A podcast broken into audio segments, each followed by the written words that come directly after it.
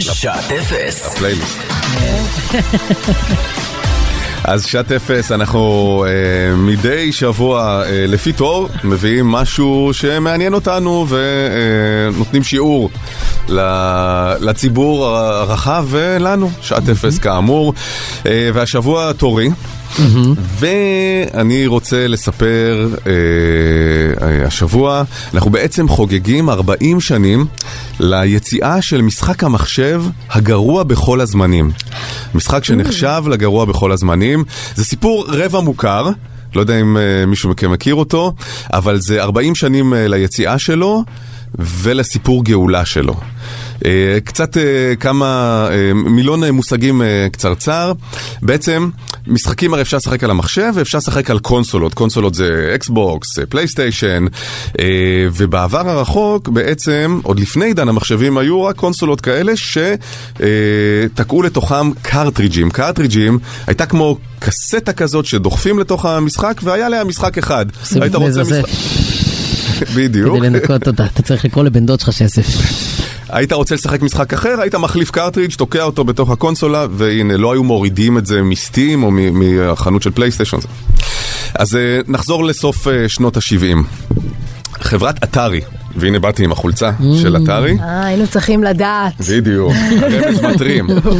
אה, חברת אתרי הייתה חברה שהייתה חברה חדשנית של טכנולוגיה שייצרה מכונות ארקייד, אלה שעומדות אה, באולמות ומכניסים לתוכם מטבעות ומשחקים, ועיקר ההצלחה שלה היה אה, שייכת למשחק פונג, כדור כזה שמעיפים בין שני קווים. לקראת סוף שנות ה-70 הייתה הבנה שה fun עובר מהאולמות אל תוך הבית. ואז בעצם אטארי המציאה את הרעיון הזה של קונסולה. קראו לזה, והשיקה את הקונסולה שלה שנקראה אטארי VCS. אחרי זה שינו את השם שלה לאטארי 2600. בעצם המצאה של הקונספט של מכשיר שמחברים לטלוויזיה הביתית בסלון ומשחקים יחד מול הטלוויזיה. היום כאמור פלייסטיישן, אקבוקס, אקסבוקס, את זה התחיל האטארי, ב-77. זה לקח uh, לזה קצת זמן לתפוס, אבל בתחילת שנות ה-80 זה היה להיט אדיר בכל העולם. גם כאן בישראל, אתרי זה היה טירוף מוחלט למי שהיה ולמי שלא היה, וזה היה, זה היה מטורף, כי האינטראקציה בעצם בין מה שאתה מזיז בג'ויסטיק לבין הדבר הזה שזז בטלוויזיה, זה היה ריגוש בלתי נתפס. אפילו שהמשחקים היו מאוד מאוד uh, פשוטים, הם היו מפוצצים ביצירתיות. הגרפיקה הייתה הרי מאוד מאוד uh, בסיסית, לפעמים זה סתם ריבוע שעובר מחדר לחדר, אבל זה הפעיל את הדמיון כמו שאף משחק של היום, לדעתי, ב-4K 250 הרץ, לא יכול להפעיל. כל הקלאסיקות נולדו אז, פקמן, ספייס אינוויידרס, קומבט, אדוונצ'ר, בעצם כל הז'אנרים שאפילו היום שולטים במשחקי המחשב, לכולם יש שורשים רעיוניים איפשהו במשחק של אטארי כלשהו. ואז, כמו בכל שוק, משהו מצליח, יש לו מתחרים, כשיש תחרות, מחפשים אפיקים יצירתיים חדשים. אחד הכיוונים של אתרי היה לעשות שותפות עם אולפני סרטים, כדי לייצר משחק עבור סרט מצליח. ככה נולד המשחק אינדיאנה ג'ונס ושודדי התיבה האבודה, mm. הסרט הראשון של אינדיאנה ג'ונס, ובעצם זה היה שיתוף הפעולה הראשון אי פעם בין תעשיית הקולנוע לתעשיית הגיימינג. Mm. מיידית זה היה להיט מטורף, מיליונים של מיליונים של הקרטריג'ים של אינדיאנה ג'ונס נמכרו. ואז הגיעה שנת 1983. אחד הסרטים שהם בדיעבד הכי מצליחים בהיסטוריה, איטי, e עמד לצאת. בעקבות ההצלחה של אינדיאנה ג'ונס, אתרי שילמה המון כסף לסטיבן ספילברג כדי לקנות ממנו את הזכויות לייצר משחק עבור איטי. E האיש שפיתח את המשחק של אינדיאנה ג'ונס, קראו לו האוורד וורשו, הוא קיבל את הפרויקט. אבל מה? היו לו רק חמישה שבועות לפתח את המשחק. עכשיו בשביל פרופורציות, GTA 6 עובדים עליו כבר שמונה שנים. משהו כזה. ואולי אולי הוא יצא בשנה הבאה. עכשיו, ברור שזה לא אותו דבר, אבל גם למשחק פשוט בתחילת שנות ה-80, חמישה שבועות של פיתוח, זה ממש ממש מעט זמן. הוא הצליח לעמוד בזה, והמשחק יצא, ומיידית הפך לכישלון. אולי זה הזמן הקצר של הפיתוח, אולי העלילה שלא הייתה בעצם קיימת, אולי זה היה משחק, זה היה משחק נורא קשה בעצם. ואולי כי הסרט המדהים איטי יצר ציפייה שהמשחק היה יכול רק לאכזב. Mm. אז אתרי ייצרה המון עותקים של הקרטריג'ים של איטי בציפייה למכור. לשחזר את ההצלחה של אינדיאנה ג'ונס. ולמעלה מזה, והם פשוט לא מכרו כלום. Uh, והלקוחות המאוכזבים, אלה שקנו, גם החזירו את המשחק לחנויות וקיבלו את הכסף חזרה. אז מה עושים עם מיליון קרטריג'ים של משחק שאף אחד לא רוצה? ההחלטה הייתה לקבור אותם באדמה. והיעד היה מזבלה כלשהי בעיר מסוימת בניו מקסיקו. לפי האגדה, שיירה של משאיות יצאה באישון ליל, שפכה את המשחקים לתוך האדמה העמוק, כוסו אה, הקרטריג'ים בשכבה של בטון, וזהו.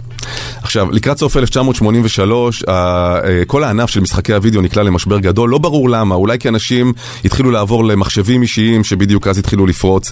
אתרי הפסידה חצי מיליארד דולר באותה שנה. וואו. אלפי אנשים פוטרו, ובכלל, תוך כמה חודשים בודדים, כל השוק הזה קרס.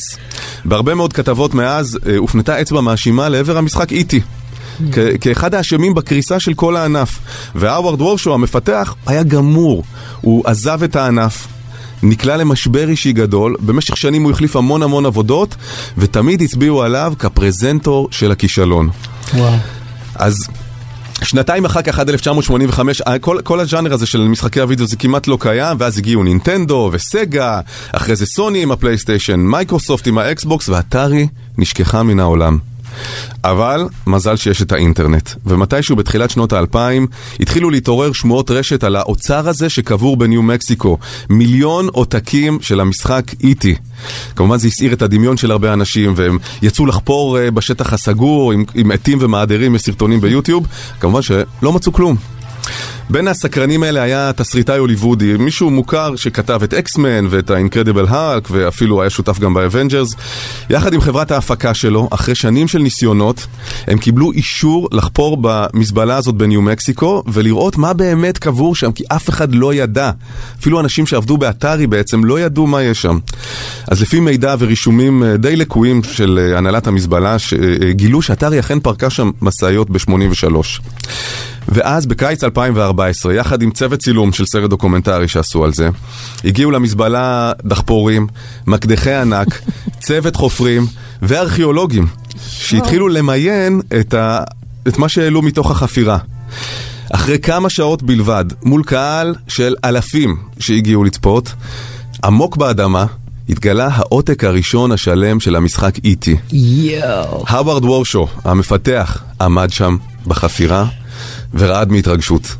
הוא לא האמין איך אלפי אנשים הגיעו לראות את החפץ שבמידה רבה עיצב את חייו ולא לטובה.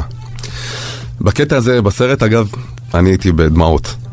אה, בסוף הוציאו משם כמה אלפי קרטריג'ים, רק עשרה אחוז מהם היו של איטי. מסתבר שכדרכם של מיתוסים, המיתוס היה כמעט מדויק. אתרי פשוט זרקה לשם את כל העודפים שלה, לא רק את איטי. בדיעבד, בדיעבד הבינו שהקבורה לא הייתה העלמה מהירה של הבושה של הכישלון, אלא פשוט דרך של חברה שהייתה בירידה, לא לשלם על אחסון של סחורה שאין לה דורש, אז פשוט החליטו לקבור את הכל. יש uh, happy end. עותקים של איטי שנמצאו בחפירה הזאת מוצגים היום בכמה מוזיאונים חשובים בארצות הברית. בדטרויט, בקיימברידג' ואפילו מוזיאון הסמיצוניאן בוושינגטון מציג אה, בגאווה עותק של המשחק איטי שחולץ מהאדמה באותה חפירה. אחרי שהוא היה קבור 30 שנה באדמה. אה, והאווארד וורשו, אותו מפתח שזה גמר לו את החיים, הוא היום, כמה מפתיע, פסיכולוג קליני, שמטפל, כמה מפתיע, חייזרים. בעובדי חברות הייטק שנקלעו למשבר. מדהים.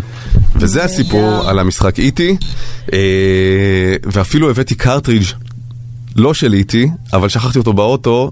ובאת עם הקורקינט. השיבוש, אז הנה, שילמת מחיר בשביל המחאה. זה יום השיבוש. זה שובשת. איזה יפה שבסוף הוא הצית את הדמיון. בסוף הדמיון כן קרה. נכון, נכון. ואגב, זה לא משחק כזה גרוע, כמו שהסיפור לאורך השנים גדל עליו. שיחקת בו היום? לא שיחקתי בו היום, שיחקתי בו פעם, אבל ראיתי סרטוני יוטיוב ונזכרתי. בוקר חדש, טל ברמן, תום אהרון, אביה פרחי. כל בוקר בשבע. אקו 99 FM